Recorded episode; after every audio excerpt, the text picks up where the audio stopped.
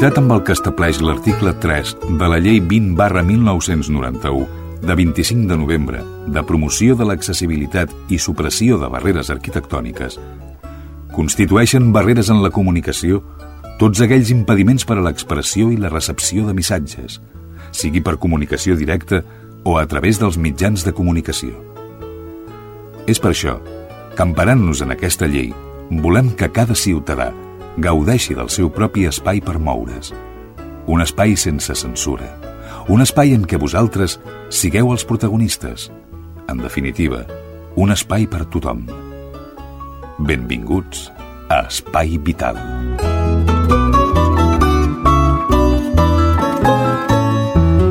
Com sempre, a la sintonia de la vostra ràdio municipal Espai Vital, un programa que emetem conjuntament a les ràdios municipals de Barberà del Vallès, Cerdanyola Ràdio, Ripollet Ràdio, Ràdio Sabadell, Montcada Ràdio i Ràdio Santa Perpètua, un programa enregistrat als estudis de Ràdio Ripollet, Ripollet en Ràdio. A les vies tècniques, Jordi Puy, l'equip del programa, avui el conformem els de sempre. La Teresa Diviu, cuinera adaptada, bon, bon dia. Bon dia a tothom. I l'Alfredo Àngel Cano, que és el nostre cercador. Bon dia. Bon dia, bon dia. Com sempre, en Xavi Casas, l'inspirador, instigador, l'ànima d'aquest programa, ens vella des de la distància, però omnipresent ell, a el tenim, a el tenim a l'ombra i també encarregat del guiatge del blog d'aquest programa, que es pot eh, consultar a través d'internet. L'adreça és allò de les 3 B baixes dobles, punt ràdio guió espai guió vital www.blogspot.com És molt complicat, és posa Google, poses Espai Vital i som els primers. El nostre cercador és una persona molt pràctica i ràpidament troba el què per a que la vida ens sigui una mica més fàcil. D'això es tracta. Teresa, eh, la cuina és fàcil si la sabem eh, una mica portar. És això, si la sabeu portar és fàcil. Si us agrada, doncs encara més. Molt bé, doncs avui la Teresa ens parlarà de llenties quan arribi el moment. Això mateix. Unes llenties que segur, segur, segur que seran boníssimes. Boníssimes. Un plat o dos, els que vulguem. Mira, n'hi han dos de preparats. Són cordets i estan molt bons dos, perquè tal com anem en la vida s'ha d'economitzar i és un plat que està molt bo i econòmic. Molt bé, doncs la Teresa que se'n va cap al seu raconet de l'estudi, cap a la cuina virtual que tenim aquí muntada per començar a preparar tots els ingredients d'aquestes llenties. L'Alfredo Ángel remenant màquines, teclats i tota mena d'andròmines electròniques i un servidor que us comentarà els temes que tocarem avui a l'Espai Vital. Avui parlarem d'una intolerància, d'una malaltia que afecta a una de cada 300 persones al nostre país, ni més ni menys que la celiaquia. I parlarem d'una empresa que ha sorgit de l'entorn de la Universitat Autònoma de Barcelona. Es tracta d'una spin-off, una empresa sorgida de l'àmbit universitari que comercialitza pa sense gluten. Hem estat a l'Autònoma, hem parlat amb la persona que va desenvolupar aquest pa, una tecnòloga dels aliments, i hem parlat amb el director de l'empresa que es diu Celipan, que comercialitza aquests productes. Tindrem la ronda habitual per les ràdios municipals de la comarca amb la intenció de saber i conèixer què és el que ha estat actualitat als seus territoris en referència a l'àmbit d'aquest programa i també tindrem, com ja anunciàvem, cuina adaptada i el nostre cercador. Tot això amanit eh, amb l'aportació a les vies tècniques d'en Jordi Puy, el nostre tècnic, i comptant, com sempre, amb la vostra col·laboració a l'altra banda de l'aparell receptor. Una col·laboració imprescindible. Comencem.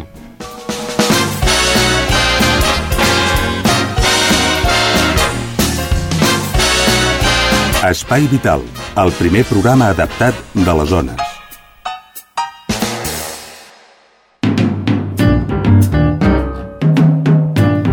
En altres temporades de l'Espai Vital n'havíem parlat d'aquesta recerca i de l'èxit d'aquesta recerca, un èxit, si més no, en poder produir un pa sense gluten apte per a les persones celíaques. Un pa sense gluten que té la qualitat que és bo, és, diguéssim, molt proper al pa normal.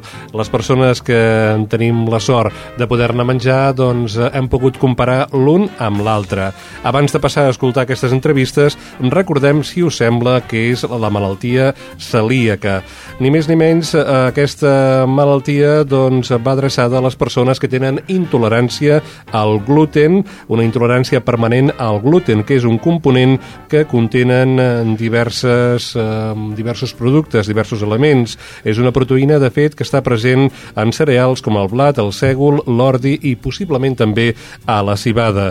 La ingesta de gluten produeix una atròfia a les vellositats intestinals que comporta la mala absorció d'alguns nutrients importants com ara el calci, el ferro i d'altres.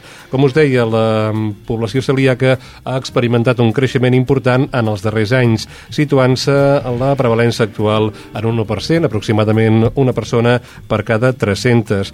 Teresa, tu que ets una mica veterana, abans la gent, eh, potser quan érem tots una mica més pobres, doncs la gent patia de mal d'estómac, eh, problemes de digestió, Pues i no sí. sabíem què era, eh? És això, jo crec que sí. Jo no havia sentit a dir mai antes. He sigut de cosa de 15 anys cap aquí de, que ho he sentit a dir. Perquè un pare d'una amiga de la meva filla pues, ho era i no ho sabien. Fins que no va agafar allò un, un càncer i quan va fer-li les proves van dir vostè és celíac. I ell no ho sabia. Doncs ara, justament, per sort, doncs, que hem avançat i també hem avançat en la diagnosi d'aquestes malalties. Sí, perquè ja sé que hi ha més coses. Ja han, teniu unes màquines, el que en té un de família a casa, que podeu fer la pasta o el pa i així no heu de comprar i us surt tan car també. I tant que sí. Doncs eh, justament, a banda de fer-ho a casa, eh, també ha nascut aquesta empresa, eh, diguem-ne que mm, investigadors i investigadores de la universitat van aconseguir crear un pa que té un sabor, eh, diguem-ne, molt proper al pa normal, la qual cosa doncs sempre és bona, mm, perquè si més no, doncs eh, les persones que, per exemple, com comentava la Teresa, els diagnostiquen la malaltia quan ja són grans, Sí. han tingut l'oportunitat de provar el pa normal i diguem-ne que el tema està en anar del pa normal cap al pa per a celíacs. Eh, imagina't tu, un pa fet amb farina de blat de moro no és el mateix que un pa, un pa fet amb farina normal. Això, no, això eh, segur. És com jo que haig de menjar el pan sense sal. I és clar, una vegada la canalla han agafat i diu, ah, que és dolent això. Dic, ah, doncs jo trobo bo. Com que ja m'hi he acostumat, doncs ja el trobo bo. La veu de l'experiència, la de la Teresa, doncs, que ens comenta que a banda de la celiaquia hi ha altres intoleràncies que, vaja, avui en dia són afortunadament diagnosticades i permeten que les persones que les pateixen doncs, puguin viure millor, tinguin una qualitat de vida millor. Nosaltres, d'entrada, doncs, vam parlar amb Begoña Miñarro, que ella és tecnòloga dels aliments a la Universitat Autònoma de Barcelona, i parlàvem justament sobre el pa. Begoña Miñarro és la, una de les persones que ha treballat en la creació d'aquest producte, d'aquest pa per a celíacs, eh, diguéssim, eh, que ha nascut aquí a la Universitat Autònoma de Barcelona i que ara doncs, eh, es comercialitzarà a través de Celipan, una spin-off, una empresa sorgida de l'àmbit universitari. Begoña, bon dia. Bon dia.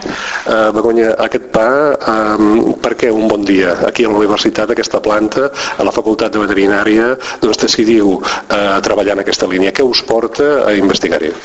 Eh, bueno, eh, aquesta línia de pa, eh, de pa general, ja té una durada de 10 anys, però en un moment donat pues, ens vam posar en contacte amb l'empresa Uxafarma, que tenia un nou producte que podria ser avantatjós pels, per productes sense glútens per les qualitats que, que li donava. Llavors, a partir d'això, vam començar a desenvolupar productes, i en especial el pa perquè és l'aliment més, més bàsic, i bueno, amb aquesta idea va sorgir la, la línia de, de pa sense gluten i no sense gluten en general. I també perquè vam veure que hi havia molta, a part de molta demanda, també hi havia una gran carència en quant a que els productes que hi havia no eren de molt bona qualitat i llavors vam pensar que era, des de la universitat era un bon punt on, on, on treballar-hi. Suposo que un cop, eh, diguem-ne, les associacions que pleguen afectats afectades se n'assabentaren d'aquesta idea vostra, l'aplaudiren, perquè realment eh, vosaltres aporteu un producte nou, eh, de qualitat i a més a més fresc, que suposo que això per les persones malaltes eh, d'aquest tema, de la celiaquia, doncs perfecte, no? Sí, bueno, amb, les, amb els celíacs que hem parlat, eh, la veritat és que estan molt contents perquè, sobretot per això, perquè tenen un pa fresc que s'assembla molt a, a un pa normal i sobretot el que ens diuen els pares és que també pel fet de, el els nens petits és molt important no sentir-se discriminats a la taula, és a dir, que tot, tota la família pugui consumir aquest pa i llavors eh, pues, evitar aquesta sensació que una persona gran potser no és tan evident, però en el nen pues, és, és bastant important.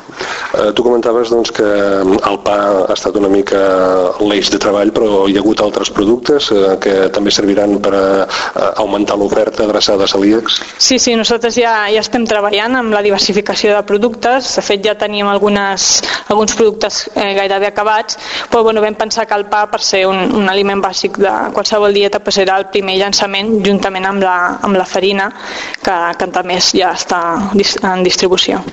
Uh, aquest pa, uh, el que s'ha pogut veure fins ara és pa tipus de motlla, tipus anglès. Es quedaran això o veurem barres de pa convencional? Abans parlaves de discriminació uh, i tots els nens molt sovint porten allò, l'entrepà fet de barra.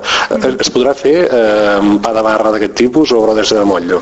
No, es podrà fer, el que passa és que bueno, és, és molt més complex fer un, una baguet o un, un pa de barra que no un pa de motllo, però ja estem treballant amb això i esperem que, que d'aquí poc ho puguem ja tenir tot, tot lligat i que surti també al mercat. Un dels hàndicaps per a fabricar qualsevol producte per a celíacs és que s'ha de fer només una línia, s'ha de crear una línia de fabricació exclusiva per fer aquests productes. Eh, suposo, a tu no et toca, però una mica és el que ha forçat que es cregui aquesta empresa. N'hi havia d'altres i altres fabricants a l'Estat, però suposo que és clar que tampoc no és un producte de gran distribució. Sí, aquest ha sigut l'inconvenient de, de una mica poder traslladar la idea a l'empresa i que l'haguem tingut que formar nosaltres, que s'ha de posar una línia exclusivament per desenvolupar aquests productes. Moltes empreses que només fan sense gluten ja tenen les seves línies i la seva tecnologia i llavors canviar la nostra tecnologia pues, suposava un problema i per això hem decidit eh, pues, des de l'autònoma i des del Parc de Recerca crear aquesta nova spin-off que, spin que és Felnuti. Uh, S'ha creat el pa, hi haurà nous productes. Un tema també que agrada molt a la canalla és, per exemple, la pasta. Uh, treballareu el tema pasta, de fet es, es, es fa també amb cereals. Uh, es treballarà aquest tema, el teniu previst? Bueno, de moment estem més centrats en el tema de, de pa i brioixeria, però no descartem en un futur i segons com, pues, com evolucioni eh, tot això, poder abarcar altres, altres línies com podria ser la de pasta fresca i, i, i això. Begoña Minyarro, moltes gràcies per la teva atenció a Espai Vital. Moltes gràcies. Com hem pogut escoltar parlant amb la Begonya, aquest pa és de gran qualitat i presenta característiques de sabor i textura molt semblants a les del pa convencional. Dir que l'empresa que comercialitzarà aquest pa en farà una distribució setmanal, la qual cosa permetrà que els consumidors en puguin disposar habitualment d'un pa, diríem, fresc, o si no fresc, de molts pocs dies. A més a més, es presenta envasat al buit, la qual cosa fa que les seves qualitats doncs, no es perdin. Dir que l'empresa que comercialitzarà aquest pa, aquesta spin-off, nascuda del sí de la universitat, es diu Pelnuti Societat Limitada i la marca comercial és Celipan. Hi participa un laboratori farmacèutic, es diu Oxafarma, i la pròpia universitat a través d'un emprenedor, la qual cosa fa que l'aliança permeti allò que de vegades ens plantegem totes i tots. Què passa a la universitat? La universitat està apartada del món de la societat real o el que s'hi fa allà dins arriba a la societat. Doncs en aquest cas podem dir que el que s'hi fa allà dins, el que s'investiga, el que s'aconsegueix arriba a la societat.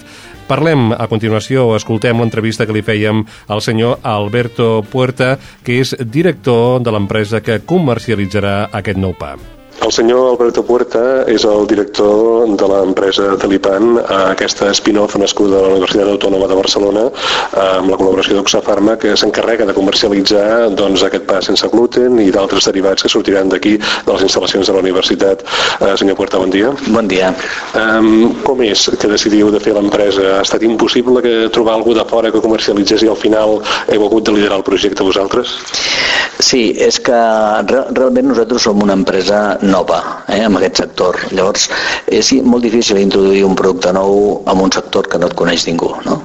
Llavors, eh, hem intentat d'alguna manera eh, fer contactes amb altres empreses, però eh, no, la veritat és que no ha estat possible, per, per dues raons. Una, una d'elles és per qüestió econòmica, els preus. I per una altra banda, doncs perquè la massa que resulta de la nostra formulació és una massa una miqueta tova i que significaria que els fabricants haurien de modificar una miqueta també la seva tecnologia. No? Llavors, els que ja ho tenen fet, ho tenen fet i els hi costa moltíssim canviar. No? I clar, nosaltres comencem de nou i ens adaptem a, a les característiques del producte.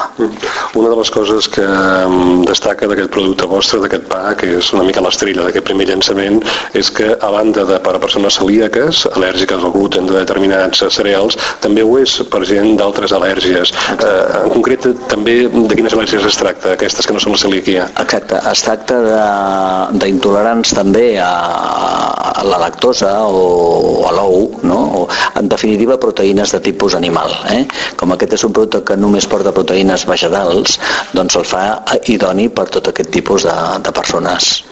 Uh, un dels, um, de les coses destacades d'aquesta feina, d'aquesta spin-off, dels productes que està comercialitzant, és que s'ha generat, s'ha creat a la universitat uh, el temple de la sabidoria, vull dir sabidoria per excel·lència de la saviesa, i ara es comercialitza, vull dir una mica es tanca el cercle. Uh, no és massa habitual, malauradament, o potser no ho coneixem uh, la gran part de la gent que això passa a la universitat. Uh, suposo que per part de l'equip del rectorat, per part de la comunitat universitària, de científics i investigadors contents uh, de poder dur a la pràctica doncs, allò que s'ha aconseguit en un laboratori. Sí, Nos, nosaltres com a empresa, diguéssim, comercialitzadora i, i en definitiva farmacèutica, estem molt contents amb aquesta col·laboració. Eh? Eh, ens hem trobat amb uns equips magnífics, gent, gent disposada a fer el que sigui, han dedicat moltes hores, molt de temps, que, que, que, no, té, que, no, que no ha tingut una repercussió econòmica perquè s'han entregat. No? I la universitat ens ha donat quantitat de facilitats. Eh? Això, això ha estat la base de que avui es pugui, es pugui veure una realitat a les botigues doncs, que pugui haver un pa com aquest. No? De fet, és, una, és un fet aquest que és molt usual en altres països, potser dir que aquí es dona poc, aquest que és de col·laboració. Exacte, exacte, exacte. I és una llàstima, eh? perquè hi ha professionals molt ben formats i molt ben preparats a la universitat que, que aquí, aquí tenim la, la, la demostració, no? perquè nosaltres com a empresa, diguéssim, comercialitzadora, doncs ens ha sortit a compte des d'un punt de vista econòmic, comptar amb la universitat, naturalment. I per una altra banda, doncs, eh, la universitat també li ha interessat molt perquè també comença a, a, el resto de, de, de companyies comencen també a donar-se en compte que la universitat tenen un lloc, tenen una pedrera per, per poder fer un I D que, que a un preu raonable. El producte d'aquest I+D que ara comentàveu doncs, eh, s'ha generat al Vallès Occidental, sí. però la fabricació es fa aquí o ha hagut de buscar un lloc específic on es pugui fabricar aquest pa i aquests productes? Hem, hem hagut de buscar un lloc específic, que en el futur, si les coses van bé, doncs eh, el canviarem, no? perquè és ben lluny d'aquí. No? El que passa és que aquest producte només es pot treballar en un lloc que, que només es, que no es treballi en blat, eh? Eh, per, per el tema de la contaminació creuada. No? Llavors hem buscat eh, bueno, amb una companyia amiga no? que, que treballa al Calà d'Henares eh? i que només treballa en productes sense gluten. I ells eh, bueno, doncs hem arribat a uns acords per començar a fer aquesta producció, que en definitiva és un plan pilot, que si funciona bé, llavors portarem la fabricació cap aquí. Parlem de funcionament, són pocs dies, d'ençà que el presentareu a Barcelona, el pa i altres productes que heu llançat eh, tot començant. Eh, la resposta de la gent, eh, quina està sent per part dels afectats, dels celíacs, suposo eh, que bona, perquè la qualitat del producte doncs, ja la coneixíem de l'any 2006 i deuen estar contentíssims de comptar amb aquest pa. Home, sí, mm, en principi no podem donar-te dates empíriques, no? perquè encara no coneixem eh, el pa que s'ha pogut arribar a, a vendre o, o, la, o la farina que s'ha arribat a vendre, perquè fins al dia 7, 16 perdó, no tindrem una reunió amb el, amb, amb la, amb el distribuïdor. No? Però bueno, els inputs que ens van arribant són tots a través doncs, de les, dels foros d'opinió, dels celíacs, i hem rebut bastants, no? tant aquí a la universitat com a l'empresa nostra, no? de gent pues, supercontenta, de gent que inclús els que van venir a la presentació els hi vam regalar farines, pans, em van anar molt contents dient molt bo, molt bo, molt bo. Això és el que ens diuen, però clar, que ho diguem això nosaltres no, no té cap valor. El que té valor és que d'aquí uns dies, si vols, ja et diré, escolta, ha hagut repercussió o no. Eh? Uh -huh. I ja per acabar, mm, parlem de coses pràctiques per la gent que vulgui comprar aquest pa, que vulgui comprar aquests productes. On hem d'anar a comprar-los? Mira, ara en un principi hem arribat a un, a un acord amb la, amb la distribuïdora Marsan, que és una distribuïdora que té botigues, eh, té 33 botigues per, per Barcelona, Rodalies i després a les eh, capitals com Girona, com Lleida, com Tarragona i algunes més petitetes. No? A tots aquests puestos tenen subministrament en aquest moment tant de pa com de farines. Eh? Molt bé, doncs ho anotem i esperem que interessi la nostra audiència i comprin el nostre producte. Senyor Alberto Puerta, director de Celipan, moltes gràcies. Gràcies a vosaltres. Doncs ja sabem una mica més d'acabar aquesta nova empresa, aquesta empresa que comercialitza aquest pa apte per als celíacs, un pa, diguéssim, desenvolupat a la Universitat Autònoma de Barcelona, aquí al Vallès Occidental, que es fabrica mm, actualment fora del Principat, però que la idea de l'empresa, si tot va bé, és que es fabriqui aquí a casa nostra, com ens comentava el senyor Alberto Puerta. De moment només trobem aquest pa de molla d'un quart de quilo i també trobem preparats per a fabricar el pa a casa. Ho deia la Teresa, hi ha màquines per a fer pa, que no són exclusives, Teresa, per a persones celíaques. Si, no, per tothom. Per tothom. Si tu vols fer-te pa de xocolata, pa de xocolata, vols fer-te pa de pipes o pa de nous o el que sigui, eh, jo no sé l'Alfredo Ángel, a ell quin pa li agrada més? Pa de pita. Pa de pita, per... home, aquest no ho sé. El, el pa de pita és difícil, eh? Però pa de pita sol o farcit? No, pa de pita sol, perquè és molt semblat al que hi havia a l'època ibèrica, diguem. Molt bé, ara li surt aquí... ser el pa de pagès, aquell rodó, Sí, suposo que el que unes s'assembla... llesques de pa, amb tomàquet... Eh, em sembla que el que s'assembla al que diu l'Alfredo Ángel és el que fan, de vegades veiem fer a l'Àfrica, doncs al terra, Sí, a- al desert i aquells, això. sí, aquells rodons Sí, sí, sí. ja a dintre a la terra, allò que ho fan a dintre. Uh -huh. Una miqueta de foc. Sí. Ah, això mateix. És que si no ho sap la nostra audiència, l'Alfredo Ángel, a banda de cercar, és arqueòleg de formació d'estudis i li surt, diguéssim, eh, aquí la, la, la branca de, de científic arqueòleg, eh? Sí. La qual cosa estarà prou bé. Si voleu consultar i voleu saber més coses sobre aquest pa, podeu entrar a la plana web de l'empresa Celipan. Bé, l'empresa es diu Pelnuti, però la marca comercial és Celipan.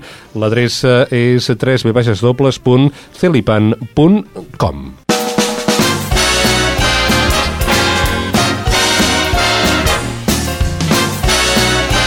Espai Vital, el primer programa adaptat de les zones.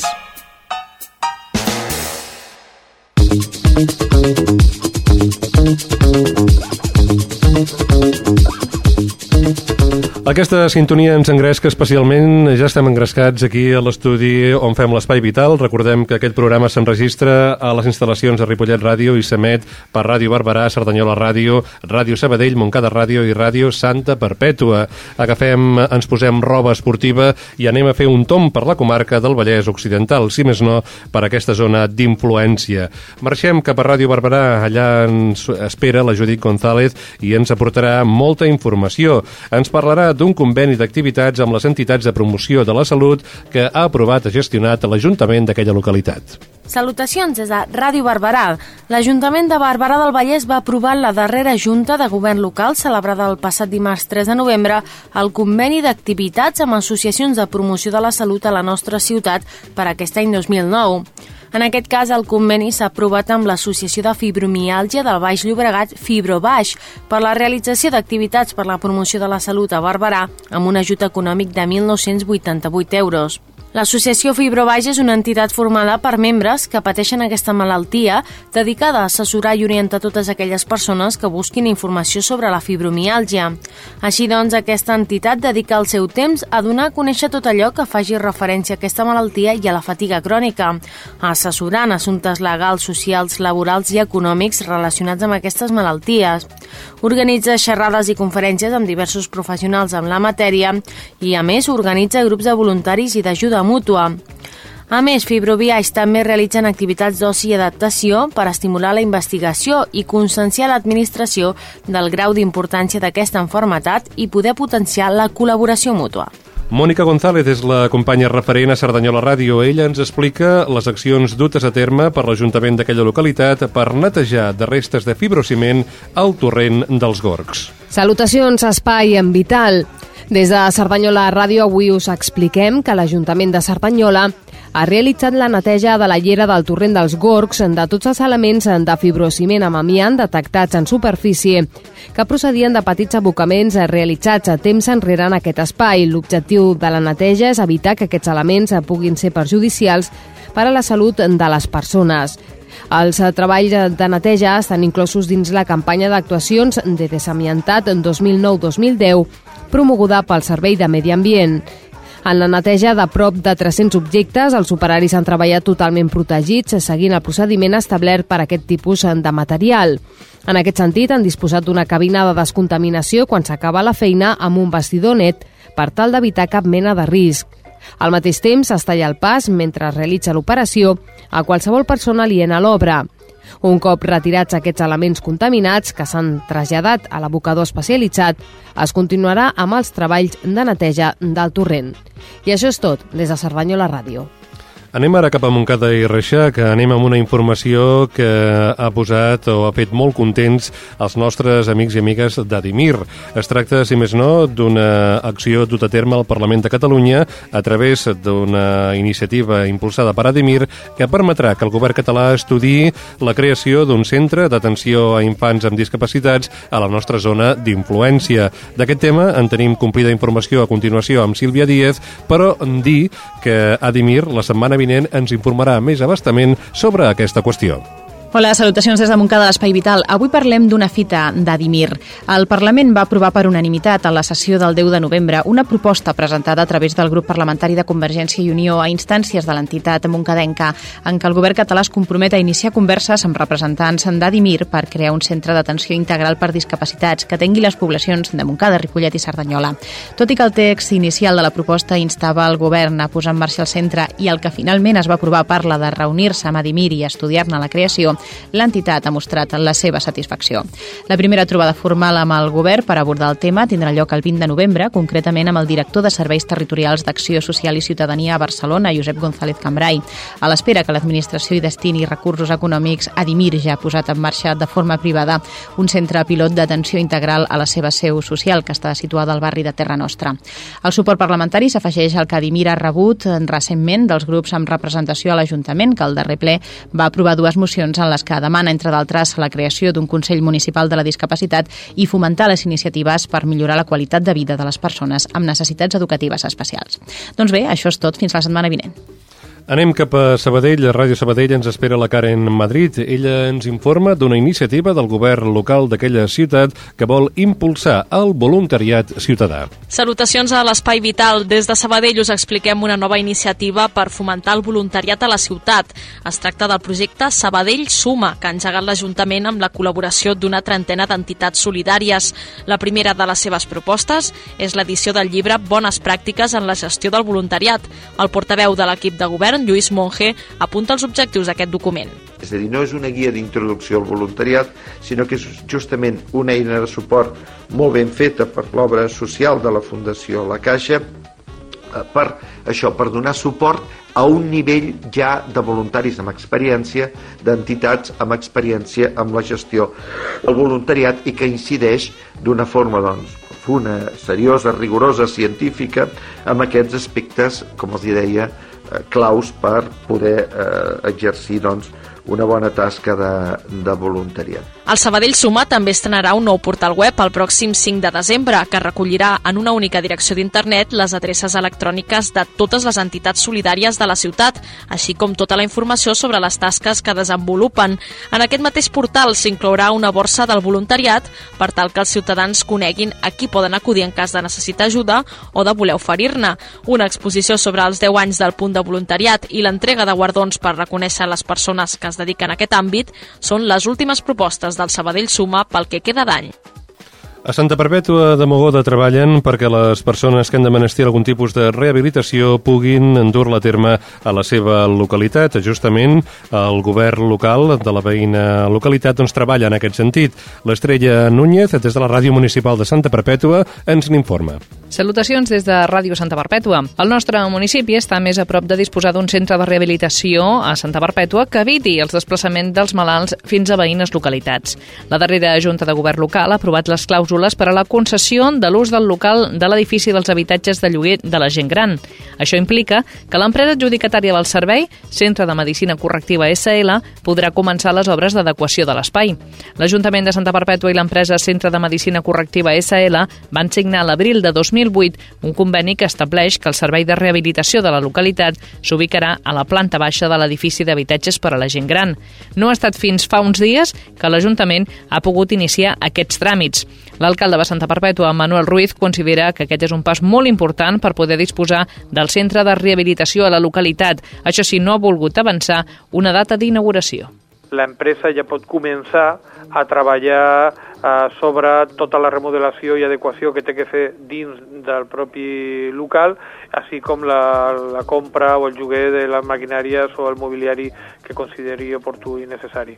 Penso que és un pas endavant molt important, que, que, bueno, que tothom ho desitjava. El Centre de Rehabilitació de Santa Perpètua tindrà capacitat per atendre entre 250 i 300 pacients al dia i ocuparà 389 metres quadrats.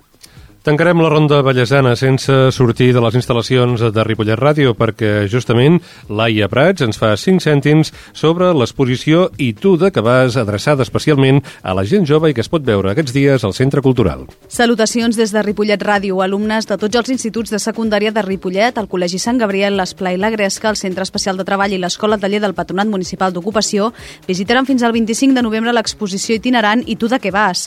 La mostra per a la prevenció de les drogodependències està instal·lada al Centre Cultural i va ser inaugurada el passat 6 de novembre. Aquesta exposició està adreçada principalment als joves dels 12 als 16 anys i és una iniciativa de les regidories de Serveis Socials i Salut Pública en el marc del programa de prevenció de les drogodependències amb el suport de la Diputació de Barcelona. L'objectiu és retardar o que els nanos no arribin a consumir drogues promovent els factors de protecció. La mostra tracta sobre les substàncies de l'alcohol, el tabac i el cànnabis. Mitjançant cinc espais simbòlics que treballen la informació, les creences, les actituds, les influències i la presa de decisions, es pretén que els joves facin un procés reflexiu entorn al consum de drogues. Estàs escoltant Espai Vital.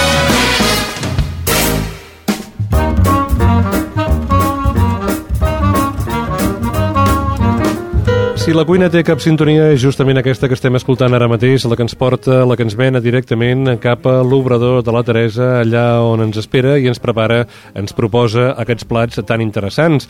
Avui, Teresa, llenties, que de fet és un plat molt normal i que... Normal, sí, Vaja... per això que ara, com que fa fresca, és un plat que convé perquè, no sé si addicte, perquè és més, porta més calories i, pues, mira, potser va més bé.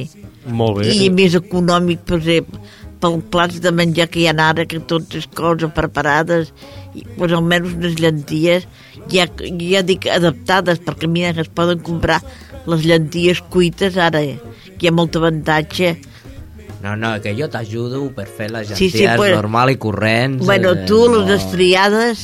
Jo les estriades ja. Bueno, ja pues està, va. Ja està. Molt Comencem. Bé. Les llenties per això, doncs, eh, et deia una mica que és un plat normal perquè sembla que últimament ens dediquem a menjar coses molt estranyes i molt és rares això, sí. i oblidem la cuina tradicional. És això, a casa sempre anem tradicionals en tot, vull dir que, que no, no ho sé, jo a casa meva com que s'ha agafat sempre...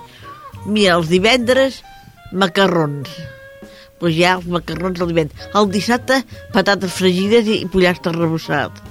El diumenge, caldo. Si no és caldo, un arròs a la cassola. I el dilluns què fas amb la cartolla? Uh, fas uh, no, perquè, croquetes? no saps què passa? Jo sí que ho feia, però ell, no, el meu marit ja no té temps de fer aquestes coses. Ja n'ha fet algun dia, ja, quan ha sobrat molt carn d'olla i rostit, allò que ha sigut com per Nadal o per la festa major, pues sí, ha trinxat la carn i ha fet croquetes. En qual les acompanyem o de maionesa o de salsa de tomàquet, pues mira, allò que ja tens menjar per... I abans, allò que al principi jo tenia, pues, clar, quatre fills, el marit que treballava, pues, tenies que mirar, feia caldo en carcassa de pollastre, allò. Comprava una carcassa, comprava un parell de quilos d'ales, les rostia. Allò que feia un bon caldo i, i menjava rostit. De lo que sobrava ho trinjava i feia croquetes, ja en tenia per un altre dia, allò que a vegades en pocs cèntims podies menjar 3 o 4 dies. I tant que sí, i tant que sí. Si aquestes alçades no us ha vingut salivera eh, de tot el que ens explica la Teresa, eh, encara us en farem venir, perquè... Ja la tinc, no, no, ja, ja la tinc. Va, va, just va, anem, sí. anem directament cap a les llenties. A les llenties, això eh, mateix. Què, què hem de menester per fer aquestes llenties? Mira. Què cal que comprem?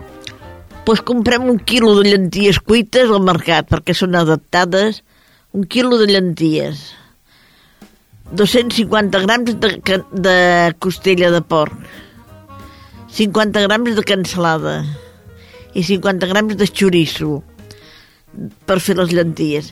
Tant que sigui el qui vulgui dolç, dolç i el qui vulgui picant, picant. Picant, picant. Oh, Picant, aquest sempre picant. Després una ceba i un parell de tomàquets. L'oli i la sal.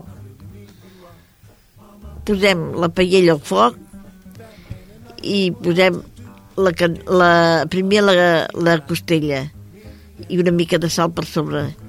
L'aneu enrossint una miqueta, com la tingueu quasi bé feta i poseu la cansalada i que doni unes quantes voltes.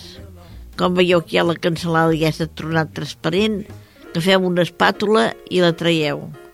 I allà hi fregiu la, la, la ceba. I fregiu, com digueu, la ceba ja una miqueta duradeta i poseu el, el tomàquet també. Allò ratllat, allà que sofregeixi. També una cosa, si la ceba no la podeu ratllar, en el mercat n'hi ha d'aquella que és ratllada, que també va molt bé. I així no, no tingueu la feina de, de ratllar-la. El tomàquet va més bé sempre. Pues fregiu la ceba i el tomàquet quan tingueu quasi bé fet i torneu a posar la costella allà... No, espereu. Quan tingueu la ceba i el tomàquet fet i poseu el xoriço, que doni un parell de voltes. Quan hagi donat un parell de voltes i afegiu una miqueta d'aigua calenta. I quan d'això hi tireu també la costella i la allà dintre que vaig donant amb aquell sofregit i aquella lligueta que vaig fent una mica el xup-xup. Quan hagi fet una mica el xup-xup, ho tireu a la cassola de les llenties. Ho poseu al foc i que vagi fent el xup-xup. Si veieu que no us queda prou el gust, que falta una miqueta de sal, i podeu tirar-hi també una miqueta de caldo concentrat, allà una miqueta, mitja pastilleta, allà desfeta, i així us agafarà més gustet. I queda un dinar, doncs mira, que almenys té consistència, que, que porta aliment, i podeu sucar-hi pa allà dintre aquell suquet de les llenties, que mare Déu, jo que m'agradava i que ara no puc menjar mai. Molt bé, el tema de sucar pa, eh, que Sí, és una sí, cosa que ens agrada pa. molt, però últimament tampoc es fa. Vull dir No, que... i és bo, eh? Vaig sentir un metge que deia que fa falta menjar una mica més de pa perquè porta fibra. I la fibra també va bé pel cos. El pa, la fruita, per exemple, també porta fibra. Sí, sí. I això, i això és important. Aquesta és una recepta de les llenties. Em portaves dues. La segona. Sí, l'altra és eh, ales de pollastre rostides en salsitxa. És un rostit pues, normal. Fem les, poseu un quilo d'ales i poseu 6 o 8 salsitxes de porc. Posem la cassola i posem l'oli. I posem la ceba, si podeu, en 4 o 5 trossos. O 6. Després agafeu dos tomàquets també, amb, els talleu en quatre trossos cada un allà dintre. Dos, de, dos dents d'all també, allà dintre. Una fulla de llaurer i un, un trosset de canó de canyella. En quatre hi poseu les ales i les salsitxes allà dintre. Agafeu una llimona i la ruixeu per sobre el tall. I poseu el sal i el pebre. El poseu al forn tapat per la banda de sota i n'hi ha fent sol durant, pues mira, mitja horeta ja, ja estarà. En qual tu destapeu i acabat que es faci per sobre. Obriu el grill de sobre i s'us torrarà, torrarà una miqueta. I és una manera, mira, marxa del rostit de sempre i teniu el que li agradi les salsitxes, doncs mira, salsitxes. El tomàquet, si voleu afegir més tomàquet, per compte de dos, tres, queda en quant a la consistència del suc, també podeu sucar més pa. I així també us atiparà més. déu nhi I a més I que- a més eh, queda prou bo, queda prou bo. Sí que queda molt bo, sí. I a més a més, eh, ara que ve el fred, doncs sempre és bo menjar plats calents. És això. Mm, que de vegades amb les presses doncs anem amb el microones, agafo un precuinat i me n'oblido de la cuina tradicional. Veus, nosaltres el microones en tenim per no fer servir per res. Molt bé, jo no sé si l'Alfredo Ángel ha quedat eh, jo crec que satisfet. deixo el cercador me'n vaig a, a dinar ja directament perquè m'ha entrat una gana que... Que déu nhi eh, Teresa, estem, diguéssim, a unes setmanes vista de les festes del Nadal. Sí, ja tinc preparat. Tens preparat ja el menú, Sí, però sí. potser ara eh, sentim a parlar de la crisi i aquestes coses que estan passant. Eh, potser és bon moment de començar a comprar coses que després utilitzarem, les sí, congelem. perquè mira, el peix mateix, doncs, n'hi ha que fan gambes o escamarlans, doncs comenceu a preparar, doncs mira, no n'hi ha, cal necessitar tants quilos, que feu potser uns quants camarlans, unes quantes gambes, d'aquelles que en diuen de carabinero, aquelles grosses, doncs no ho sé. Després llagostinis també en podeu comprar, fets el conyac, que també tinc una recepta, també queden molt bons. Vull dir, no sé, jo pollastre, doncs mira, començar, si no podeu comprar d'aquells pollastres de pagès que en diuen del Prat, doncs mira, com agafar un pollastre normal que sigui grosset, doncs això sempre n'hi ha. Si teniu puesto el congelador, doncs mira, ja ho podeu començar a comprar ara. perquè d'aquesta manera ens estalviarem calarons Sí. i, i avui en dia la congelació tampoc és per tant. també no? tinc preparat també hasta allò, espatlles de xai també dins del forn també. Déu-n'hi-do, déu nhi déu Agafarem quilos, eh? Haurem d'anar a fer esport després, eh? Això sí, jo com que no puc, jo dic, jo dic receptes, vosaltres mateixos el que pugui menjar, que mengi, si no, mira com jo a, a la verdura i a la fruita i va que xuta. Molt bé, si hi ha algú dels nostres oïdors o oïdores que vol fer cap suggeriment de recepta, que vol fer cap pregunta, doncs que ens ho faci a través del blog radio-espai-vital.blogspot.com o com diu l'Alfredo Ángel, aneu al Google, a Sant Google pel que fa a les cerques a través d'internet, poseu Espai Vital, el primer que surt és el blog del programa, de l'associació, i allà feu un correu electrònic, feu un comentari i ràpidament la Teresa doncs, rebrà aquest suggeriment, aquest comentari, aquesta pregunta i segur que li donarà resposta a través de la ràdio. Hasta també el qui vulgui fer-hi pilota pel caldo també, si vol algú la recepta també la donaré. Molt bé, això és molt important, eh? I molt tradicional, eh, la pilota. Ah, Déu-n'hi-do, veus. déu nhi A mi m'agradava molt, eh? I encara quan puc, i la fa la meva mare, que la mare és que cuina millor. Oh, la mare. Oh, la mare és que cuina millor. Les àvies també, eh? Però la Sí. mare és especial. Doncs sempre, sempre, sempre menjava pilota. Anem ara amb el cercador, amb l'Alfredo Ángel.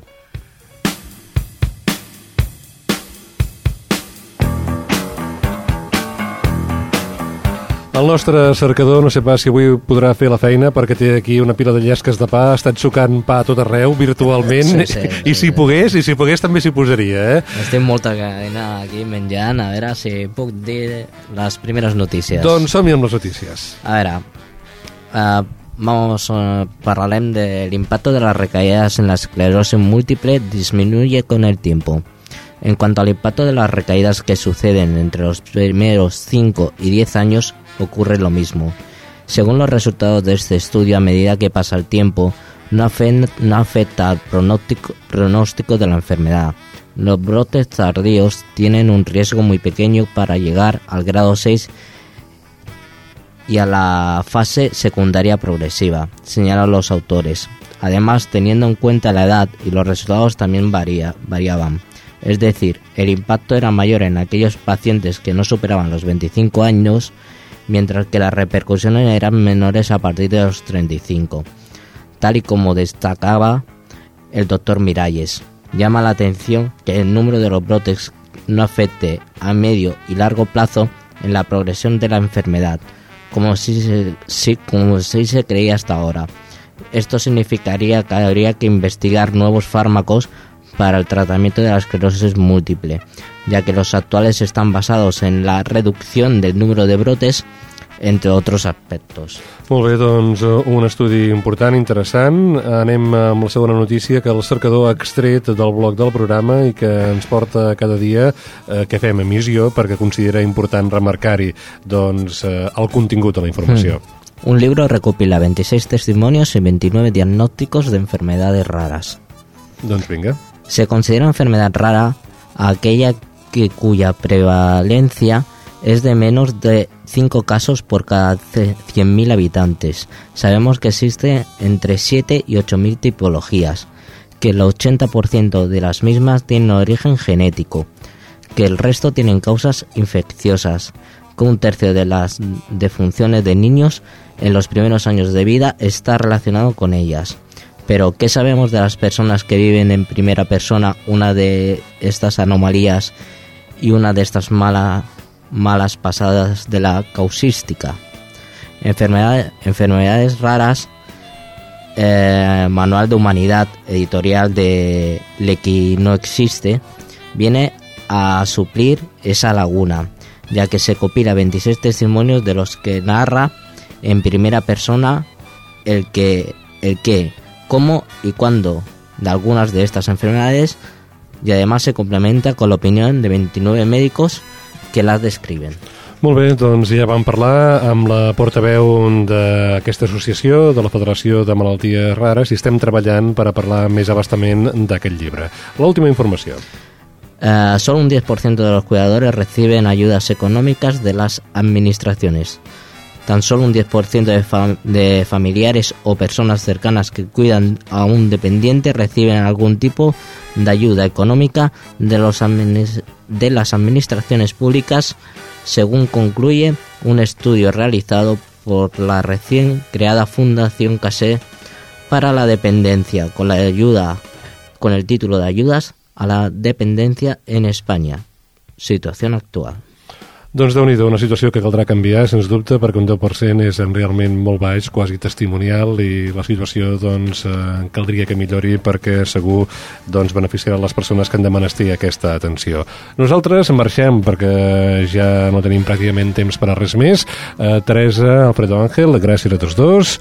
Gràcies a tu. La setmana vinent tindrem la col·laboració de Dimir, a les vies tècniques a Jordi Puy, davant del micro Jordi Jorba, sempre, eh, diguem-ne, protegits per en Xavi Casas, que és qui ha inspirat inspirat, ens inspira i ens posa llum en el camí radiofònic. Gràcies especialment a vosaltres, amics i amigues, que ens acompanyeu a l'altra banda de l'aparell electrònic.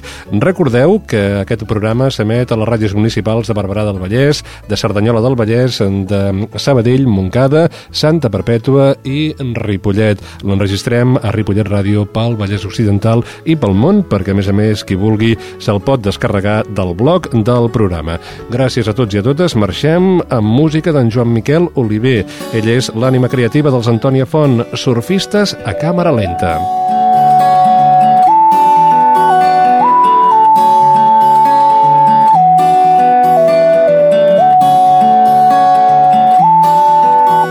Surfistes en càmera lenta lleneguen damunt l'oceà arriben a la platja escalenta i amb un martini en sa mà.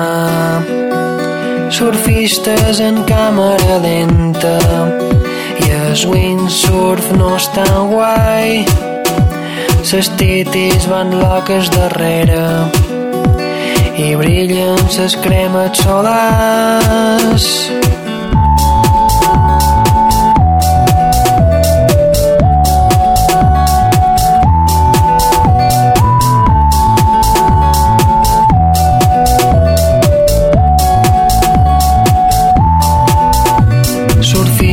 vas en càmera lenta i estones van molt aviat. Esperen ses zones toberes això els he sentit conversar. Surfistes en càmera lenta se'n van i adeu-siau. Zidiven ses xurris contentes i amb els biquinis llevats